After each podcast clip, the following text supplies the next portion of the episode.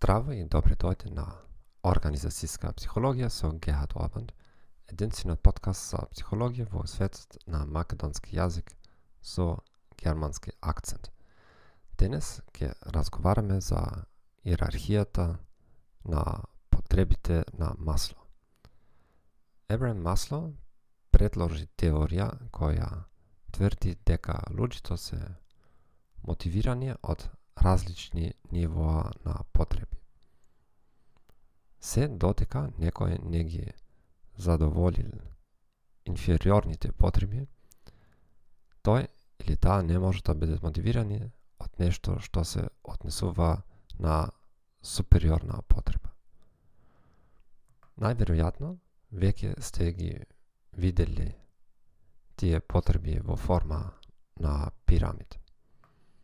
Да започнеме од долниот дел и потоа да се движиме нагоре. Физиолошки потреби.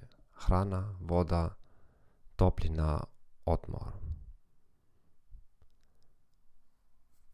Без бетносни потреби. Тие две потреби се сметат за основни потреби. Следните две потреби се сметат за психолошки потреби.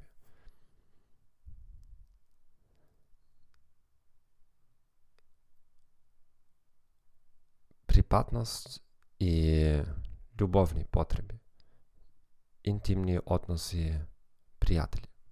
Потребата од највисок ред е само реализирање, да се постигне целосен потенцијал, вклучително и креативни активност.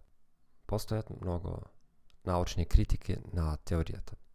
Дали на вистина треба да ги задоволите сите основни потреби за да бидете мотивирани од само остварување или почитување, дали има други потреби што не се разгледуваат во неговата теорија, дали постојат разлики помеѓу мажите и жените или меѓу културите, како и да е, теоријата не подсетува да се обидеме подобро да ги разбереме нашите вработени партнери и клиенти.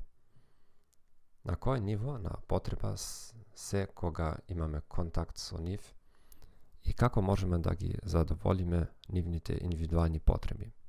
Така, во работен тим, секој член на тимот може да биде на различно ниво. Ви Благодарам што го слушавте овој подкаст. Посакувам убав ден и спогум.